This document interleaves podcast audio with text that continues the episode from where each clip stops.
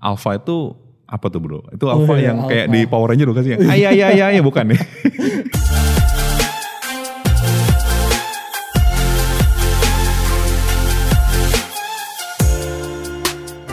Sobat Ipot, tahun 2020, tahun lalu ya, sampai sekarang kan udah mulai hype lagi nih orang-orang mulai investasi.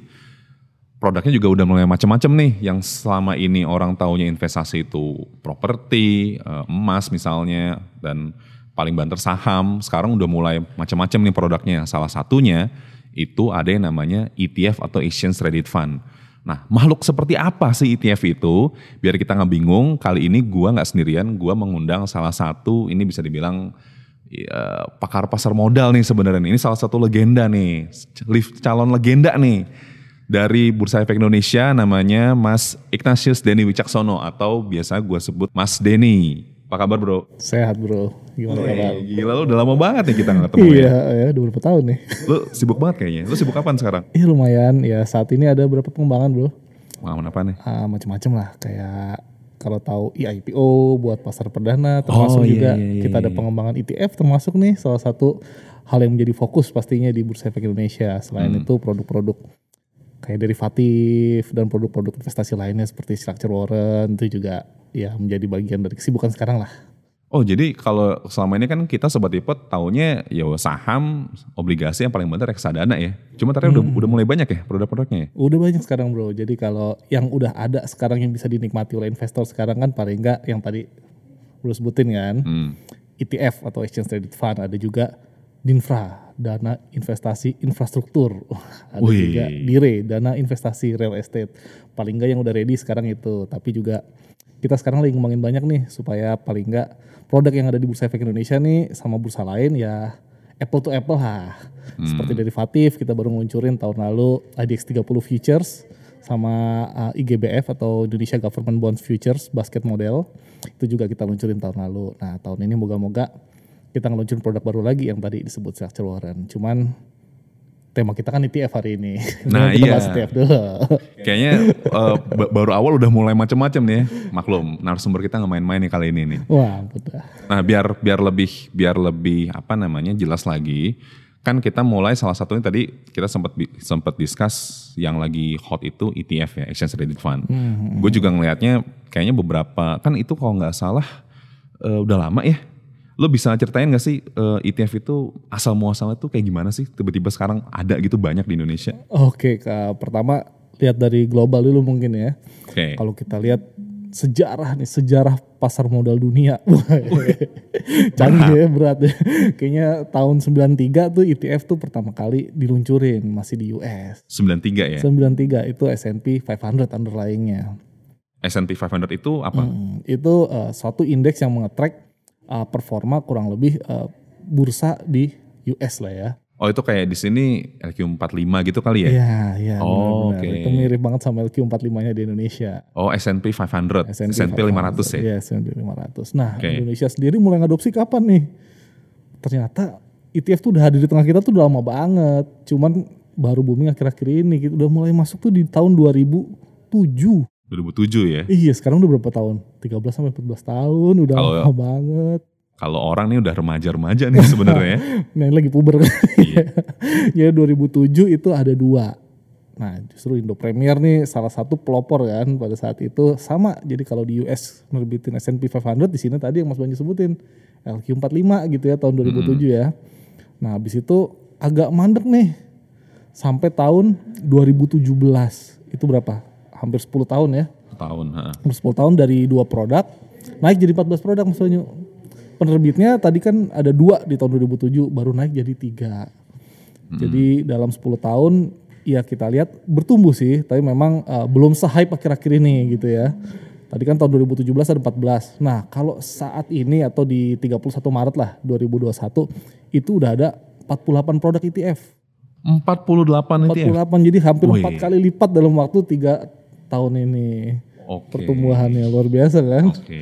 Penerbitnya tuh banyak juga. Dari tiga manajer investasi sekarang udah naik jadi 22 manajer investasi. Oh, oh manajer investasinya ya? Manajer investasi dari tiga naik jadi 22. Produknya 22. dari 14 jadi 48. Nah, Oke. menarik kan pertumbuhannya. Oke. Kan sebenarnya kan tadi lo bilang ETF itu udah udah dari tahun 93 dan kalau nggak salah ya emang udah lumayan populer di retail nggak sih jadi kalau lo investor pemula lo kalau nggak dis, dis saja beli saham gitu ya individual stocks ya lo beli ETF gitu itu sebenarnya kenapa sih emang segampang itu ya ETF ya Ah, ETF nih salah satu produk yang menurut gue ya, menurut gue ini menarik banget. Kenapa? Karena dari investor pemula sampai investor profesional semua tuh dapat marketnya gitu ya. hmm. Kenapa segampang itu? Karena gini. Jadi cara investor mendapatkan return itu semakin tahun semakin bergeser gitu ya. Dari mungkin tahun 90-an itu orang mikirin gimana gue cara nyari alpha. Gimana cara gue nyari stock picking yang terbaik. Hmm. Jadi semua berlomba-lomba nyari wah ini saham ini yang naik nih, saham ini yang naik. Nah bergeser terus sampai uh, di tahun 2000-an itu sudah mulai bergeser. Jadi daripada saya cari alfa, cari saham yang baik, saya lebih baik mengikuti kerja market aja. Alpha itu apa tuh bro? Itu Oh, alpha iya, yang kayak alpha. di Power Ranger bukan sih? Ah, iya iya iya iya bukan ya? iya iya iya, bukan alfa omega juga ya. Jadi alfa itu kan kelebihan eh, dari ini ya dari apa? eh, return yang bisa didapat dari suatu saham misalkan gini. Misalkan ya ISG tahun ini eh, 10% gitu ya. Heeh.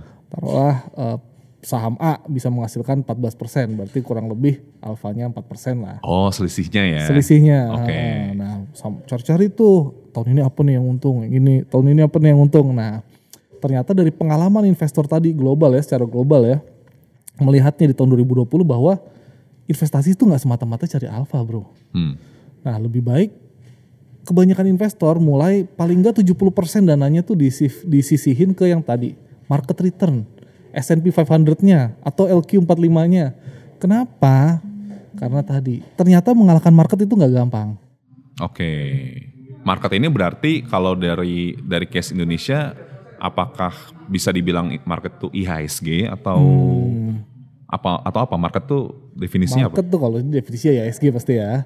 Oh, iya, ISG bener ya? ah, ISG bener. Cuman cara mengetrack ISG tadi kan, nggak mungkin kita beli sekarang ada 700 saham, beli 700 700-nya nggak mungkin gitu ya. Oh. Ada beberapa indeks-indeks acuan gitu yang biasanya digunakan untuk memang mengetrack market itu kayak LQ45. Jadi kalau based on uh, practice-nya para pelaku pasar itu fund manager kali ya.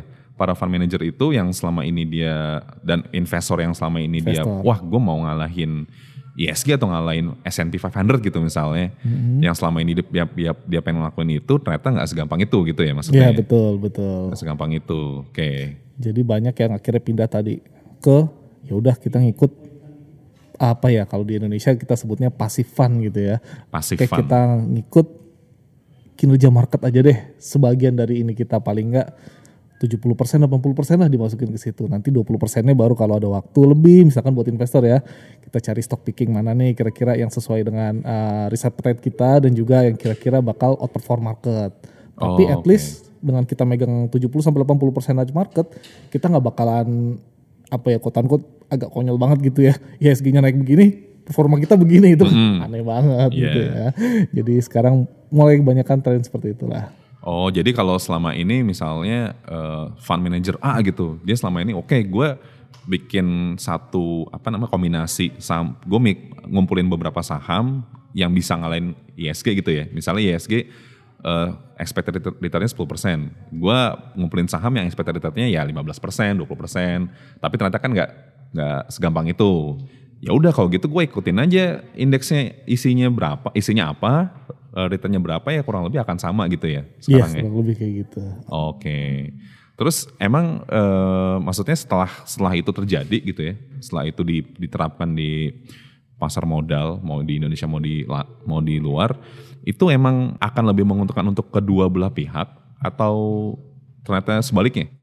Hmm, kalau menguntungkan sih emang ini tergantung market ya pastinya ya. Ah. Jadi tapi kita pernah ngambil ini sih data gitu ya. Saya lupa itu sekitar 5 apa 6 tahun gitu ya di tahun 2019. Tarik ke belakang berarti tahun 2014. Hmm. Itu di pasar modal Indonesia kita ngambil seluruh eh, reksadana Heeh. yang ada di pasar modal Indonesia. Nah kita bandingin returnnya yang aktif, di mana dia tadi mencoba beating the market versus yang pasif, yang mencoba mengikuti market, yang menggunakan LQ45 atau ADX30 gitu ya. Nah ternyata nih hasilnya cukup menarik gitu ya. Ternyata apa? In the long term yang bisa ngebit market itu hanya 10% dari 100 reksadana tersebut. Yang tadi bisa ngasilin alpha yang tadi lo maksud itu ya? Ya, yang bisa ngasilin alpha melebihi return yang tadi ya, yang pasif Melebihi ya. Nah itu 10%? hanya 10%. Oke, berarti sisanya kalah semua? Sisanya ya either sama atau kalah. Oke. Dan deviasinya luar biasa gitu ya. Ada yang tinggi banget, ada yang rendah banget gitu ya. Jadi eh, kadang-kadang ekspektasi kita investor kan, misalkan ISG-nya 10% di kita sebenarnya nggak pengen jauh-jauh dari situ lah ya. Mm. Tapi karena tadi aktif mungkin the way-nya sangat berbeda gitu ya. Kadang-kadang ada yang malah plus 20, eh dia malah minus 20 gitu. Ada juga yang kayak gitu dari setahunnya gitu ya. Oke. Jadi dispersinya luar biasa besar dan ternyata bukan nggak bisa tadi ya ngebit market ya. Agak sulit untuk long term. Dan kalaupun beat the market, susah untuk konsisten kali ya?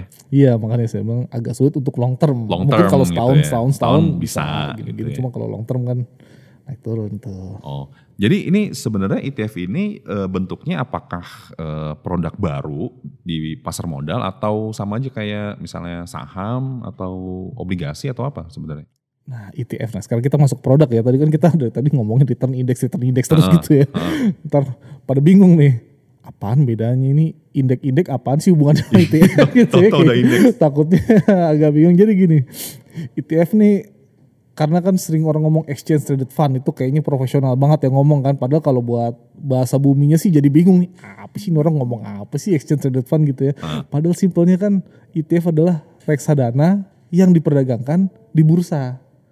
Oh, jadi ini reksadana juga sebenarnya. Iya, cuma bedanya tadi kalau reksadana konvensional yang non ETF itu tidak diperdagangkan di bursa. Kalau yang ETF itu diperdagangkan di bursa. Sebenarnya perbedaan utamanya itu dan dia mengambil sifat-sifat positif ya kita bilang sifat-sifat positif dari saham seperti instrumen-instrumen yang diperdagangkan di bursa dan juga sifat positif dari reksadana yang ada. Jadi ini kayak gabungan saham dan reksadana nih.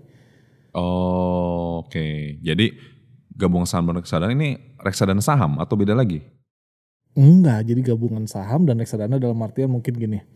Kalau kita beli di pasar sekunder kan kita cari biasanya ya BMRI atau GGRM atau BBRI itu kan saham satuan gitu ya. Iya, satuan sama. Kalau ETF nih nanti ada juga di pasar sekunder. Jadi biasanya yang depannya huruf X. Oh, ini kodenya tuh hurufnya Kodenya X huruf tuh. X depannya ya, misalkan XPID. Nah, itu seperti saham, kita bisa transaksiin anytime. Tapi ternyata portfolio itu terdiversifikasi. Jadi kita misalkan dengan model yang sama, kita punya 10 ribu, kita beli saham kan kita dapat satu lot saham misalkan. Heeh. Kita beli ETF, kita dapat satu lot ETF juga sebenarnya. Tapi dengan underlying banyak saham di belakangnya. Jadi sangat terdiversifikasi. Oke, itu kan berarti kan eh, kalau gua simplified, jadi sebenarnya dia reksadana yang isinya adalah saham-saham yang ada di bursa efek yang tadi lo bilang BMRI segala macam itu ada di ETF itu tadi gitu maksudnya. Iya betul. Oke, nah itu yang sebenarnya eh gue masih masih agak ini nih masih agak nyampur sama kalau seinget gue reksadana sa- kan kita juga ada reksadana saham tuh, ada reksadana saham, ada pasar uang. Nah kalau yang tadi lo sebutin, gue jadi inget reksadana saham sebenarnya itu ETF juga atau beda juga sebenarnya?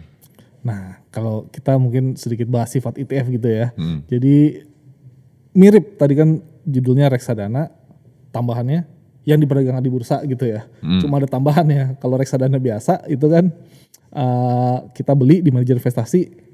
Udah gitu misalkan saya pengen ngebuang nih reksadana saya, bukan mau buang, mau ngejual reksadana saya ke teman saya misalkan. Apa yang harus saya lakukan? Ya udah saya jual ke MI, nanti teman saya subscribe ke MI gitu ya. Mm-mm. Nah, karena sifatnya ETF ini bisa diperdagangkan di bursa, maka dia langsung aja dijual di pasar sekunder. Jadi tidak perlu melalui manajer investasi lagi, jual aja di bursa, nanti akan dibeli langsung gitu ya. Oh jadi kalau yang reksadana selama ini kita misalnya ke manajer investasi lah, ke ap- apart ya APRD itu itu bukan bukan lewat bursa ya, bukan lewat bursa efek ya. Bukan lewat bursa efek. Oh jadi kalau yang lewat bursa efek itu eh, saham gitu-gitu ya? Saham. Oh gitu. Jadi oh oke. Jadi bedanya oh makanya tadi lo bilang reksadana yang diperdagangkan di bursa. Betul. Oh jadi dia transaksinya kayak saham. Transaksinya kayak saham tapi nanti mungkin kalau kita bahas transaksi ada dua detailnya ya. Oke. Tapi kalau yang simpelnya buat investor retail biasanya kayak saham aja tinggal cari kodenya beli. Cari Oke. kodenya jual. Gitu. Oke, nah ini mungkin jadi pertanyaan juga nih buat sobat ipot di yang nonton sekarang nih.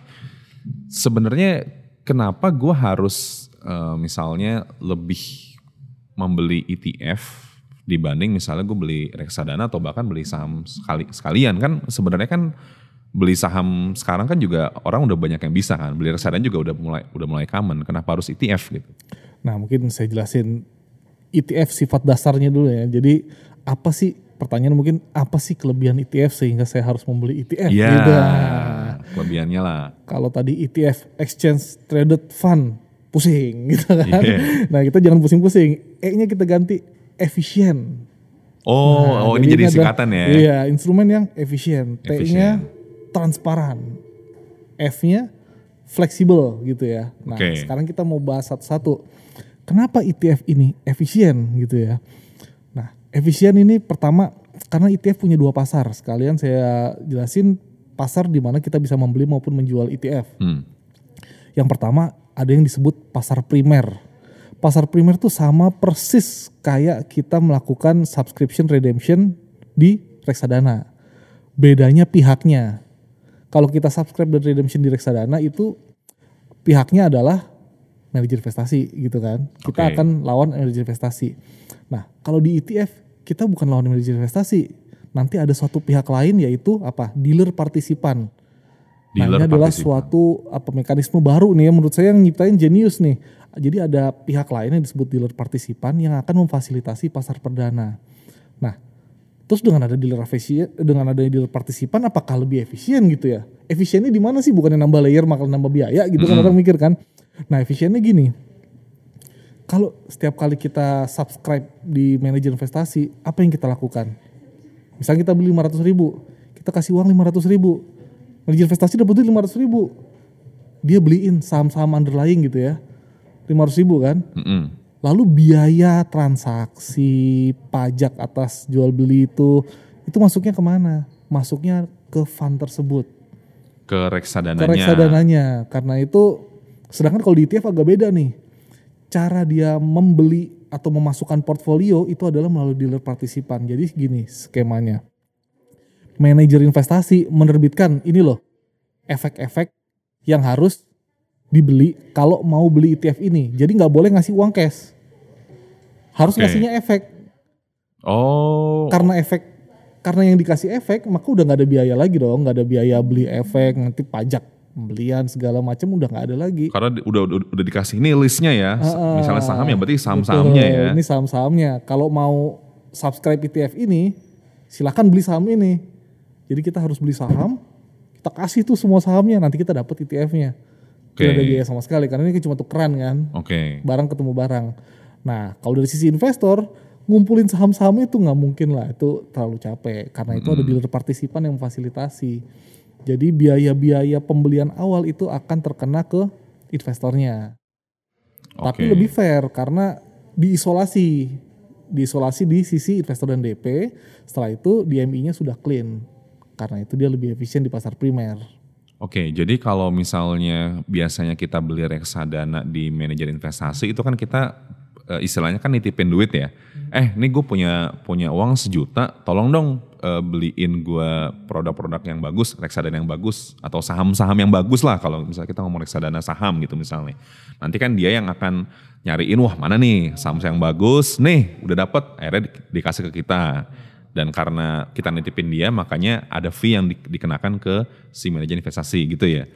Fee belinya sih Fee, lebih ke fee belinya. sih. ha. Kalau yang ETF karena karena ada yang namanya dealer partisipan tadi, makanya yang selama ini si manajer investasinya itu dia beliin cash. Ini kalau di kalau dealer partisipan dia nggak cash tapi dia langsung ngasih saham-saham yang wajib dibeli gitu ya. betul, betul. Jadi, nanti yang tadinya fee-nya dikenakan ke si manajer investasinya, kalau fee-nya dikenakan ke fund. ke, ke fund, Ke fund-nya, kalau yang sekarang dikenakan langsung ke investornya. Iya, karena gini, misalkan kita beli saham, itu kan ada biaya brokerage kan pasti kan nggak mungkin beli saham nggak ada biaya Fee beli, fee brokerage. jual gitu Ah, ya. fee beli ah. nah itu yang tadi sebenarnya kalau kita beli sahamnya dealer partisipan yang beli kan fee-nya kan akan ada di dealer partisipan yang harus bayar kan Oke, sedangkan kalau MI yang beli nah fee-nya harus ditanggung ke fund-nya oke. maka semakin banyak yang subscribe atau hal yang sama dengan redemption semakin banyak yang subscribe semakin banyak yang redeem. Nah itu fee yang tersisa atau yang dikenakan ke fundnya semakin banyak. Sedangkan kalau ETF tadi nggak ada karena ini in kind kan. Dia barang ketemu barang. Setiap kali barang ketemu barang tuh nggak ada fee sama sekali nggak ada pajak sama sekali yang terjadi di situ. Jadi dia bebas lah ibaratnya. Nah itu kenapa tadi adanya pasar primer membuat eh, ETF ini efisien dibandingkan dengan reksadana. Oke, oke efisien ya. Nah sebelum kita masuk ke eh, keunggulan yang lain tadi T-nya transparan, ya. transparan Nah gue mau, gue jadi penasaran sih, yang tadi lo maksud dealer partisipan, itu sebenarnya apakah ada satu orang tertentu atau dia lembaga eh, baru yang dibentuk khusus untuk ETF atau apa sih sebenarnya tuh? Dia dia tuh fungsinya tuh apa sih? Ya, ya, dealer partisipan ya. Dealer, Dealer partisipan, partisipan. itu tadi sebenarnya fungsi utamanya itu adalah pertama dealer partisipan tuh apa gitu ya. Hmm. Dealer partisipan itu perusahaan efek biasanya. Perusahaan efek, oh jadi kayak broker-broker gitu Kayak ya? broker-broker gitu. Sekuritas gitu ya? Ah, Oke. Fungsinya ada dua dia. Oke, Memfasilitasi transaksi atau pembelian di pasar primer. Jadi pasar primer yang tadinya di manajer investasi dipindahin ke dealer partisipan. hmm, Karena tadi sifatnya yang pengen dicari efisiennya tadi ya. ya, Nah, yang kedua, dia biasanya memberikan kuotasi di pasar sekunder juga. kuotasi itu, Jadi quote unquote dia kayak liquidity provider lah atau penyedia likuiditas di pasar sekunder. Jadi nanti kalau misalkan investor beli, nah kalau pengen jual sebenarnya nggak usah khawatir karena ada dealer partisipan yang nanti akan bertugas memasang beli maupun jual gitu ya. Jadi kayak market maker atau liquidity provider lah ya. oh jadi misalnya eh, kalau dalam hal ETF gitu ya, misalnya gue mau beli ETF di harga sekian nih, terus misalnya kan tadi satuannya lot ya, berapa lot gitu, itu nanti si dealer partisipannya yang nyediain barangnya dalam tanda kutip gitu ya, yang pasti ada gitu atau gimana? kalau di pasar primer, nah ini mungkin kita pecah dulu ya pasar primer tadi ya. Kalau pasar primer itu biasanya satuannya besar, kurang lebih 100 ribu unit sekali beli. 100 ribu unit, 100 ribu itu unit eh, maksimal apa minimal? minimal. Oh minimal 100 ribu unit. Kalau di pasar primer tadi ya, Oke, jadi kalau misalnya ETF harganya seribu gitu ya, Mm-mm. jadi si investornya ini harus 100 harus juta berarti. 100 juta ya, Iya, minimal itu. ya. Kalau di pasar primer ya. Kalau di pasar primer oke. di pasar primer.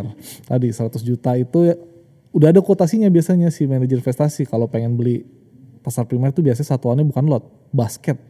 Basket. Satu basket sekian. Kalau mau jual satu basket sekian gitu ya. Oke. Nah, kalau di pasar sekunder itu kan seperti transaksi bursa. Nah, ini sifat efisien yang kedua. Efisien yang kedua kenapa? Karena adanya pasar sekunder seperti halnya saham. Kalau si reksadana tadi kan saya bilang kalau mau jual, saya jual dulu ke MI-nya gitu kan. MI ngejual underlying ngasih saya duit. Fee lagi di eh, KIK-nya atau reksadananya. Mm. Terus habis itu orang lain beli fee lagi di reksadananya jadi terus bertumpuk. Kalau di eh, ETF kan nggak perlu di pasar sekunder saya tinggal langsung pasang kuotasi pasar sekunder saya mau jual nih. Nah yang mau beli siapa? Ada dua. Kalau nggak dealer partisipan ya dari investor lain yang melakukan jual beli juga sehingga ada perdagangan seperti layaknya saham yang aktif setiap hari market perdagangan.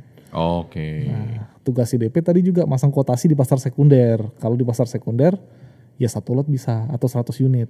Oh jadi kayak saham ya, Kayak satu lot bisa ya. satu lot jadi bisa. kalau harganya seribu, dia bisa beli Beli ya 100 seratus ribu. ribu udah bisa gitu. Udah dapat saham-saham yang yang udah dipilihin tadi ya. Iya iya iya. Oh iya. itu menarik tuh. Jadi kalau sekarang kan kita beli saham satu ribu paling dapat dapat sahamnya banyak banyak kasih yang bagus satu ribu. Kayak jarang ya. Jarang, jarang. Itu satu itu dapat satu saham doang ya. Iya, Kalau satu jenis. kalau ETF lo satu ribu 100 ribu bisa kalau underlying IDX 30 ya dapat 30 30 saham langsung ya. 30 Udah gitu saham saham-sahamnya juga yang liquid banget yang ya. liquid banget pasti selected Oh. Oke, menarik menarik. Oke. Oke, tadi kan E yang apa? ETF E-nya efisien, tuh. Tadi ya, ada pasar primer, ada pasar sekunder. Oke. Sekarang transparan. Oke. Transparan dalam artinya apa nih? Buka-bukaan gitu, kelihatan semua Oh. gitu. Jadi, tapi jangan mikir yang aneh-aneh dulu. Kebetulan eh, sekarang kita lagi bulan puasa ya, Oh, iya, kita iya. lagi track ini. iya jadi semakin teruji lah. Semakin teruji. Kayak jadi gimana? transparan kalau reksadana gitu ya biasanya kan fact sheet dikeluarkan setiap bulan atau ya setiap bulan ya fact sheet berisi top 10 kepemilikan tertinggi gitu ya. Nah kalau ETF agak beda nih. Tadi kan si eh, MI-nya harus ngeluarin list saham apa aja yang ada untuk eh, melakukan pembelian di pasar perdana gitu ya. Mm. Nah, karena itu seluruh portfolio yang ada di MI-nya itu harus dipublikasikan setiap hari. Dari A sampai Z termasuk cash komponennya. Itu dipublikasikannya ke investornya atau ke publik atau gimana? Dipublikasikannya sebenarnya tujuan utamanya pasti kan buat dealer partisipan karena nanti dealer partisipan yang harus nyediain barang nih. Tapi Oke. investor bisa ngelihat di website bursa juga setiap hari. Oh isinya bisa dilihat ya? Bisa dilihat setiap hari. Oh kalau fun fact sheet yang kalau sobat ipot suka beli reksadana kan kita biasa Fun fact fun fact sheet sama prospektus tuh. Nah di fun fact sheet kan biasanya ya isinya ya Top cuma 10 top 10-nya biasanya, aja kan. 10. Kita nggak bisa lihat sisanya gitu ya. Nggak bisa lihat sisanya. Kalau ETF, ini ETF semua wajib. kalau tadi yang misalnya ADX 30 semuanya bisa kelihatan juga ya 30 30 30 nya kelihatan dan juga jumlahnya berapa misalkan Bank BRI ini berapa lembar ini berapa lembar ini berapa Oh. lembar semua wajib dipublikasikan tiap hari jadi jangan takut misalkan ada apa ya reksadana syariah terus takut wah ini jangan-jangan ada isinya yang gak syariah nih nah jangan takut kalau di ETF tinggal dicek aja ke website bursa ya nggak usah ngecek tiap hari juga ya Iya, mungkin iya, sebulan sekali oh, oke isinya kayak gini Oh menarik menarik menarik. Nah, aspek yang kedua ini transparan, ini yang menyebabkan kenapa ETF biasanya di dunia ini digunakan untuk pasifan. Jadi kalau reksadana kan ada dua ya, ada yang aktif, ada yang pasif. Pasif itu biasanya mengikuti indeks aja. Yang tadi yang lo bilang di awal ya. Ah, ah, yang dibilang di awal. Nah, kenapa ETF ini identik sama pasif? Nah, kalau aktif bayangin aja si re- si fund manager itu udah susah payah gitu ya, ngitungin nih PI-nya berapa nih, kira-kira trailing terus forward forecast-nya berapa. Akhirnya ketemu, nah ini lima saham ini gacoan gue nih. Mm-mm. Abis itu harus dipublikasiin. Ini gacoan Oh. gue nih, silakan silakan ya itu sama aja kayak silakan investor beli sendiri nih. Iya iya iya. Gak usah subscribe ke fund gue gitu kan. Beli, beli aja ini fund ini saham pilihan gue. Nah, karena itu biasanya tadi ETF untuk pasif fund karena tadi harus dipublikasin tiap hari. Jadi udah benar-benar buka-bukaan. Oke. Jadi dia kelihatan semua. Kalau yang aktif tadi lo bilang berarti mirip-mirip reksadana saham lah ya. Yang reksadana saham. Karena dia ya nyari secara Nyari, aktif uh. saham-saham yang bagus aja gitu. Kalau yang ini udah tinggal kopas aja ya isinya ya, tinggal yang pasif kopas ya. aja dari index providernya. Misalkan di bursa itu kan bisa di-download juga kan datanya kan index 30 isinya apa aja.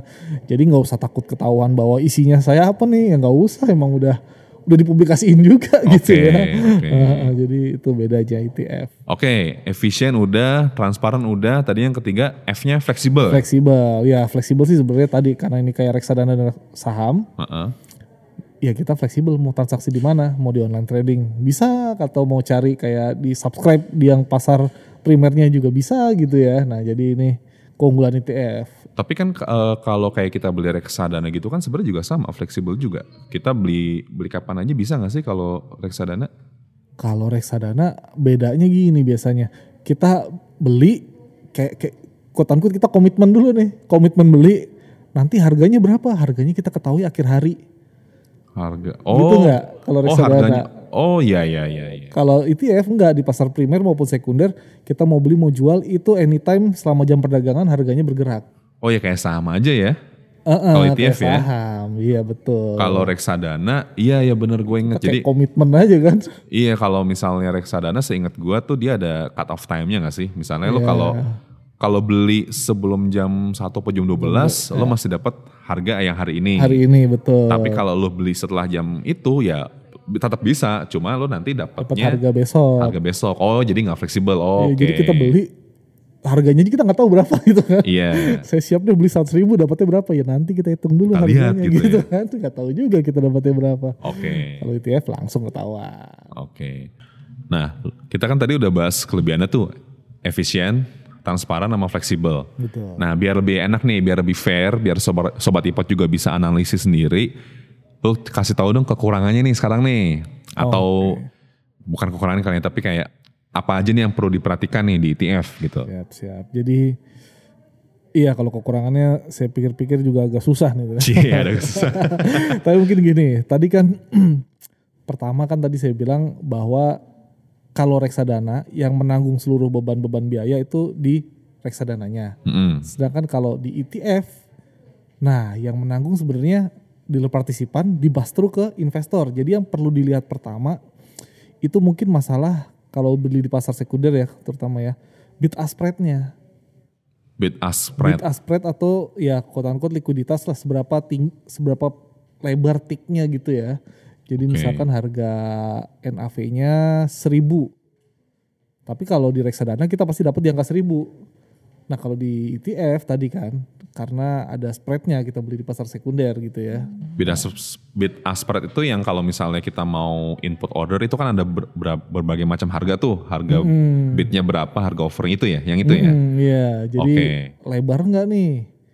Nah, karena eh, kalau kita misalkan spreadnya dari harga NAV-nya tadi satu persen gitu ya, kita kena spread satu persen, berarti kan eh, untuk mendapatkan return 6% kita harus sacrifice satu persen dulu. Yo, Oke, Nah ya. itu hal pertama yang harus dilihat dan khususnya yang kedua, jadi ETF nih mungkin tadi kita belum sharing gitu ya bahwa ETF nih nggak melulu saham. Oke. Ada ETF juga obligasi karena ini sebenarnya reksadana ini berdagangkan di bursa. Jadi bisa saham, bisa obligasi sebenarnya, Oh. bisa campuran, Iya, iya, macam-macam iya, semua iya. bisa gitu kan. Heeh. Nah, tapi ETF obligasi ini khususnya yang masalah bid spread dan likuiditas juga perlu dilihat lagi. Kenapa?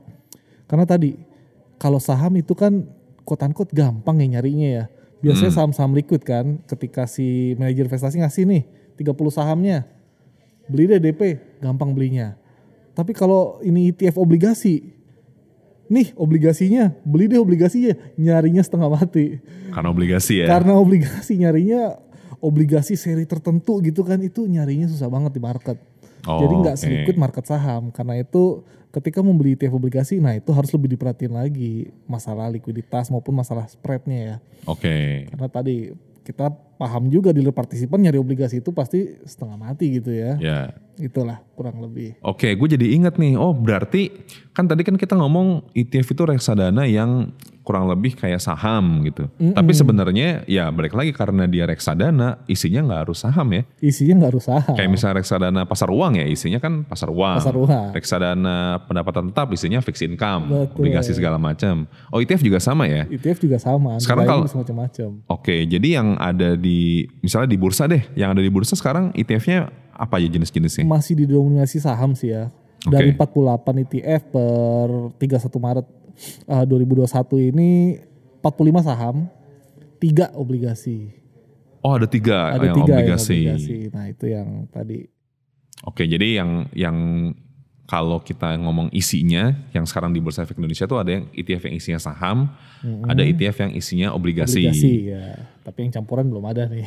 Oke, nah kalau kita balik ke yang ETF yang isinya saham itu saham-saham yang kayak gimana bro? Nah, tadi mungkin kita ngelanjutin cerita paling pertama lagi nih Mas, Mas Hmm. Bayu. Tadi kan source return nih semakin bergeser saya bilang ya. Tadi mencari alpha, yang kedua ternyata ada yang namanya eh, market return atau core atau yang orang sebut beta gitu ya. Mm-mm. Nah, tapi kekinian lagi sekarang ada tiga source, ada satu lagi yaitu factor return. Waduh, apa lagi tuh Ada factor lagi return? jadi jadi tadi 70 30, 70% market, 30% tadi cari eh, pick stock picking gitu ya, misalkan cari alpha. Nah, sekarang udah bergeser lagi 50% market, 25% masalah factor, yang 25% lagi baru stock picking. Nah, Hmm. factor itu seperti apa? Jadi gini, banyak orang yang meyakini gitu ya, atau banyak teori-teori investasi yang meyakini bahwa adanya anomali di pasar. Jadi market kita kan kalau bisa dibilang apa ya semi strong gitu ya. Mm-mm. Tapi ada yang bilang ada anomali tertentu nih yang membuat kayaknya kok kalau saham-saham tertentu gini saya beli kok bisa mengungguli market terus. Contohnya seperti apa? Pasti kita sering dengar nih value investing. Siapa siapa value investor gitu kan? Iya, ha-ha. Nah, value investor itu sebenarnya apa? Sebenarnya kalau dilihat dari historikalnya gitu ya di pasar modal hampir di seluruh dunia itu kelihatan saham-saham dengan valuasi yang relatif rendah bisa mengalahkan kinerja saham-saham yang relatif valuasinya tinggi.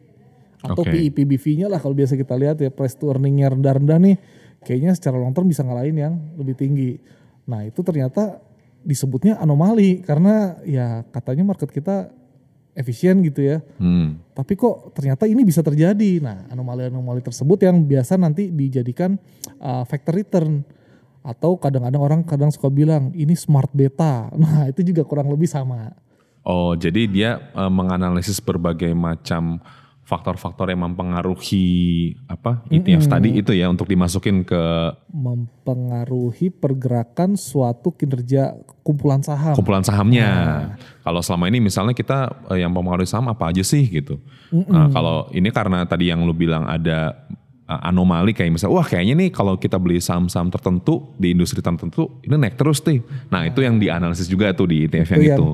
disediakan juga produknya di ETF sehingga untuk investor bisa lebih mudah gitu ya. Oke. Jadi Kita mau diskusi produknya apa aja. Oke. Nah balik tadi kan ada tiga ya market itu ada banyak banget ETF-nya seperti un- underlying indeksnya ada IDX 30, ada LQ45, ya itu yang paling terkenal deh.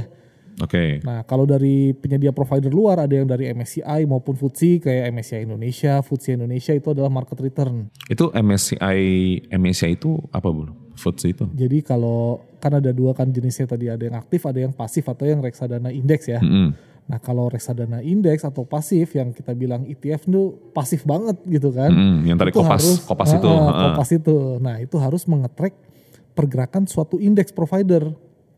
Jadi harus dibuktikan, harus bisa dibuktikan bahwa indeksnya ada. Penyedia indeks tuh ada dua, ada tiga sorry ya, yang paling yang ada di Indonesia sekarang. Hmm. Yang pertama dari Bursa Efek Indonesia sendiri, Yang tadi LQ45 LQ45, gitu-gitu ya. DX30. Yang Heeh. kedua itu dari luar nih yang cukup terkenal juga tuh MSCI yang masuk di market kita. Oke. Yang ketiga dari luar juga yang ya sekarang ini udah mulai banyak juga dipakai itu adalah FTSE. Nah ada tiga penyedia itu. Nah kalau kita bilang tadi market return tiga-tiganya punya. Hmm. Dan ada nggak produk ETF-nya? Ada, tinggal eh, nanti dicari gitu ya. Nah tadi buat market udah ada. Nah yang kedua buat factor. Nah factor tuh ada apa aja? Sebenarnya factor yang dikenal itu ada pertama value factor. Tadi saham-saham yang relatif valuasinya lebih murah. Hmm. Ada faktor dividen. Jadi saham-saham yang memberikan dividen lebih tinggi itu diyakini memberikan return lebih tinggi. Oke. Heeh, ada juga eh, factor itu quality. Quality factor itu saham-saham dengan fundamental yang bagus diyakini eh, memberikan return lebih baik gitu ya. Oke. Nah, ada juga tapi selain factor ada juga tematik sekarang nih. Tema Tema itu maksudnya gimana? tema eh, itu tidak ini sih ya. Jadi kalau tadi factor melihat anomali, kalau tema ini lebih ke apa ya? Eh, tema tertentu misalkan gini. Kalau investor syariah, Hmm. Nah, tema investornya itu adalah syariah. Jadi kayak tematik investing kalau ini. Karena saya nggak mau investasi saham yang non syariah gitu kan. Oh jadi dia ETF-nya tuh isinya ya saham-saham syariah semua gitu ya? Ah, tematik Oke. lah kurang lebih kayak gitu. Ada temanya tuh ada syariah, sahamnya indeksnya sekarang ada JI. Hmm. Nah, yang selain itu tematik biasanya yang lagi paling ngetren sekarang banget adalah ESG investment. ESG itu apa? environment, social, governance. Jadi buat investor yang pokoknya kalau investasi saya tuh nggak mau investasi saya ternyata kayak merusak lingkungan nih diinvestasikan ke perusahaan-perusahaan yang merusak lingkungan, Oh, Oke. yang menggunakan tenaga kerja di bawah umur. Nah, Oh itu ada ya kayak gitu-gitu ya? Ada, itu yang lagi ngetren banget sekarang lagi di dunia lagi Wah cocok tuh buat buat para sobat ipot yang SJW SJW bisa pakai ETF yang itu tuh. Iya, itu pas banget. Nah, itu beberapa indeks-indeks yang sudah ada produknya di Indonesia ETF-nya. Oke. Oke, jadi tadi udah ada yang factor, udah ada yang market, factor. Nah, yang terakhir yang eh, aktif, aktif in- aktif investment juga ada beberapa aja di Bursa Efek Indonesia gitu ya listing ETF. Jadi yang tadi yang tadi mirip kayak kita reksadana saham ya, ya si reksadana EMI-nya ya secara aktif juga, cuma bedanya dia diperdagangkan di bursa gitu ya. Gitu Bedanya gitu bursa. doang Jadi ya. ada tiga jenis itulah ya. Dan variasinya ada banyak banget sih sebenarnya. Oke. Nah, oke sekarang balik ke pertanyaan gue di awal-awal nih yang tadi gue sempat tunda. Gue penasaran sih kenapa yang tadi lu bilang kan udah dari 2007. Terus sempat eh, stagnan beberapa tahun terus tiba-tiba langsung naik lagi nih dari sisi produknya banyak terus tiba-tiba EMI-nya banyak juga yang yang eh, bikin ETF terus tadi yang lo bilang index provider ada juga yang dari luar kan MSCI sama Hmm, mulai FTSE kok tiba-tiba bisa booming kayak gitu gimana ceritanya bro? Bener-bener sebenarnya nggak tiba-tiba sih. Hmm. Tadi kan gue sharing shifting source of return di dunia ini ya. Hmm. Jadi hal yang sama terjadi juga global misalkan di US. Nah dalam saya lupa 10 tahun terakhir apa ya. Nah itu meningkat luar biasa besar yang namanya passive fund. Oke yang kopas tadi. Yang kopas tadi. Kopas fund lah. Kopas fund lah. Nah sama halnya di Indonesia terjadi akhirnya kan dari sono masuk di sini juga ternyata udah mulai mengikuti gitu biasanya ya. Mm-mm. Nah udah mulai banyak. Jadi kalau kita bisa lihat lima tahun terakhir passive fund itu perkembangan luar biasa. Jadi dari sekitar kurang lebih lima tahun sebelum ini satu persen dari seluruh total uh, reksadana saham. Oke dari semua total reksadana saham satu persennya uh, passive satu persen passive fund. Sekarang itu udah sekitar 10 sampai 13 persen. Oh lumayan ya. Udah lumayan naiknya. Jadi udah semakin banyak orang yang meyakini tadi investasi pasif kayaknya jauh lebih efisien dan uh, apa bisa mengikuti market udah lebih dari cukup dibanding saya harus mengambil resiko untuk mengalahkan market gitu ya. Mm. Nah itu yang menyebabkan ETF juga bertumbuh karena tadi eh, ETF itu quote unquote bener-bener apa ya proksinya proksi produk untuk passive fund. Oke. Jadi kalau passive fund orang kepikirannya wah ETF, passive fund ETF gitu kan. Iya. Akhirnya banyak lah produk-produk ETF dan selain itu juga belakangan ini eh, ada kebutuhan ya rasanya sih di industri di aset manajemen eh, sorry di dana pensiun atau insurance gitu ya itu adanya kebutuhan transparansi yang tadi karena mungkin ya ada kekhawatiran tadi saya nggak tahu di bawahnya tuh apa sebenarnya kalau reksadana Hmm. Nah kalau ETF kan dipublikasin tiap hari, jadi nggak usah takut. Tiba-tiba ada saham apalah yang kemarin orang bilang saham kolesterol atau apa dan Iya, lain-lain gitu kan. Nah kalau ETF kan nggak perlu takut. Mm-mm. Nah adanya dorongan kebutuhan transparansi itu juga lah yang membuat ETF ini menjadi semakin meningkat. Oke menarik menarik. Kalau yang gue pelajarin sih kan gini ya. Balik lagi ke fenomena kita 2020 sampai sekarang itu kan udah udah mulai banyak tuh kan. Lu pasti ngerasain juga kan di bursa kan. Nilai transaksi tiba-tiba melonjak lah. Jumlah investor tiba-tiba banyak banget. Heeh. Cuma kan balik lagi kalau kita ngomong saham deh, investor saham itu kan pastinya kan lo kalau misalnya lo investasi saham lo harus tahu dong saham itu dia perusahaan apa, Betul, betul. jualan apa, eh, dia dapat duit dari mana, dia dapat duit berapa. Nah itu kan sebenarnya kan banyak analisis yang harus dilakukan kan. Bener. Dan kalau ya balik lagi kalau kita bi- bicara modal satu ribu kita dapat saham kayak sama apa sih gitu yang Iya, bagus berapa banyak sih gitu. Satu atau dua lot gitu. Iya, Tapi kalau yang gue pelajarin di ETF ini sebenarnya dari sisi modal udah aja seratus ribu lo bisa dapat 30-an saham tadi ya, 30 saham yang bagus-bagus. Dan sebenarnya kasarannya lo udah nggak perlu terlalu analisis 30 masa satu, satu, satu-satunya kan oh ini saham, saham, saham ini bagus apa enggak gitu kan. Lo udah dipilihin sama siapa manajer investasinya eh, bikin ETF misalnya ETF ADX 30 ya udah lo invest aja di situ udah udah udah apa namanya udah udah pasti bagus lah dalam tan- dalam konteks sahamnya lo nggak perlu terlalu banyak analisis ya nggak? Dari sisi pelaku pasarnya juga dari apa eh, cara dia ngelola portofolionya instead of dia apa namanya terlalu sibuk wah gimana cara Iya. ngelola saham yang bagus eh cara nyari saham-saham yang bagus dia tinggal kopas saja isi indeksnya ya bener ya Betul betul. jadi menarik banget sih menurut gue ya Iya iya iya. oke Karena itu sebenarnya ini produk yang cukup apa ya? Tadi saya bilang produk yang cukup bagus baik investor pemula maupun investor yang udah pro. Institusional Gitu juga kali ya Institutional investor juga ini sangat menarik dari sisi efisiennya. Oke. Tapi dari sisi investor yang pemula yang selama ini mungkin investasi reksadana belum mau untuk saham gitu ya. Mm-mm. Nah ini merupakan produk yang awal gitu ya. Jadi bukan produk advance sebenarnya ini ini produk dasar banget. Simple banget ya justru ini. ya. Justru simple banget karena kita nggak perlu pusing nyari sahamnya, udah terdiversifikasi. Bahkan nggak 100 ribu, yang 10 ribuan juga ada. oh ya sepuluh ribuan aja 10 ribu juga ada yang underlyingnya JII itu yang eh, 30 saham syariah terbaik ibaratnya ya di Bursa Efek Indonesia itu juga udah ada. dia tuh krit- dia tuh menentukan eh, harganya sepuluh ribu seratus ribu itu dari mana sih bro Nah ini yang menarik. Kalau di reksadana itu kan pada saat peluncuran gitu ya Nah, harus di angka 1000 per satu NAV-nya gitu ya. Heeh. Nah kalau di ETF nih enggak, bebas. Mm-mm. Jadi ada yang misalkan ADX 30, saya ngebuat ETF ADX 30. Saya buat di harga 100 deh, biar lebih retail. Hmm. Nah jadi pada saat peluncuran 100 rupiah, kalau 100 rupiah dikali berapa 100, itu kan cuma 10 ribu. Oke, makanya Gitu tadi lo kan. bilang bisa mulai dari sepuluh ribu Bisa ya. mulai dari 10 ribu juga udah ada. Oh. Jadi buat oke. bedain lah. Nah, ketika 50 ribuan ya udah saya buat yang harga 500 deh pada saat launching. Hmm. Jadi agak beda walaupun sama-sama DX 30 tapi paling nggak harga dasarnya kalau orang mau beli juga beda gitu ya. Oh, oh, pantesan gue baru baru nggak sekarang kenapa di luar itu kalau misalnya untuk investor pemula disaranin kalau nggak lo langsung ke saham ya ke ETF karena emang menurut gue basic banget sih itu ya. Basic banget. Lo tinggal modal sepuluh ribu, seratus ribu lah, taruhlah seratus ribu deh gitu. Iya, 100.000. Seratus ribu, lo udah dapat eh, saham-saham yang bagus gitu ya. Terus pilihan. Dari sisi manajer investasi juga gampang banget ngelolanya. Hmm. Lo modalnya cuma eh, gampang, kualitasnya juga udah bagus. Lo nggak perlu terlalu analisis wah ini perusahaan apa segala macam karena semuanya udah dianalisis sama MI-nya gitu ya. Iya betul betul betul. Oke, betul. oke, menarik, Simple, menarik, menarik. Mudah makanya kita hashtag mulai dari ETF. Oh, ada ETF, ada ada hashtagnya itu ya. Ada hashtag kita mulai, Mulai dari, dari- mulai dari ETF. Jadi Iya, mulai dari iya, iya. Setuju sih gue daripada lo invest ke misalnya saham yang yang apa namanya?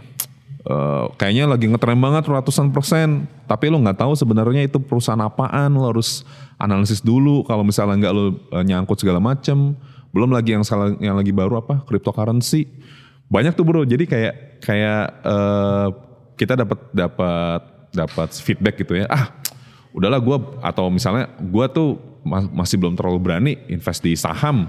Oke, nggak apa-apa kan sebenarnya kan. apa-apa. Cuma yang masalahnya adalah dia bilang bahwa gue coba mulai coba mulai dari kripto dulu deh. Menurut gue kripto itu sebenarnya jauh lebih kompleks gak sih ya? Iya pastinya itu kalau kripto itu kan kayak selalu ngambil leverage ya. Jadi kayak di produk kita futures atau derivatif lah. Mm-mm. Nah itu merupakan yang high risk, high return, lebih tinggi dari saham.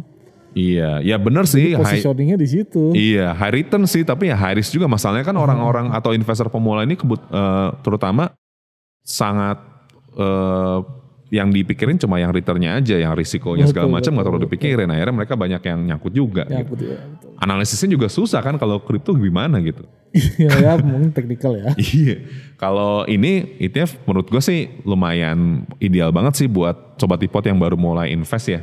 Mulai invest kalau kalau nggak belum berani nih langsung ke saham atau belum terlalu belum terlalu pede untuk komit mempelajari finance sama bisnis, ETF bisa jadi eh, Solusi ya. solusi yang tepat sih. Tadi apa hashtagnya mulai dari ETF, benar banget sih setuju gue. Siap bro. Mantap. Thank you banget Den. Ini Sama-sama. eh, insight-nya banyak banget ya ETF ya. Kalau misalnya kita ngobrol-ngobrol terus kan ujung-ujungnya kan semua bisa investasi ya nggak? Iya halus ya. Mantap. Oke sekian dulu Sobat Ipot. Saya Banyu. Saya Denny. Pamit undur diri. Wassalamualaikum warahmatullahi wabarakatuh.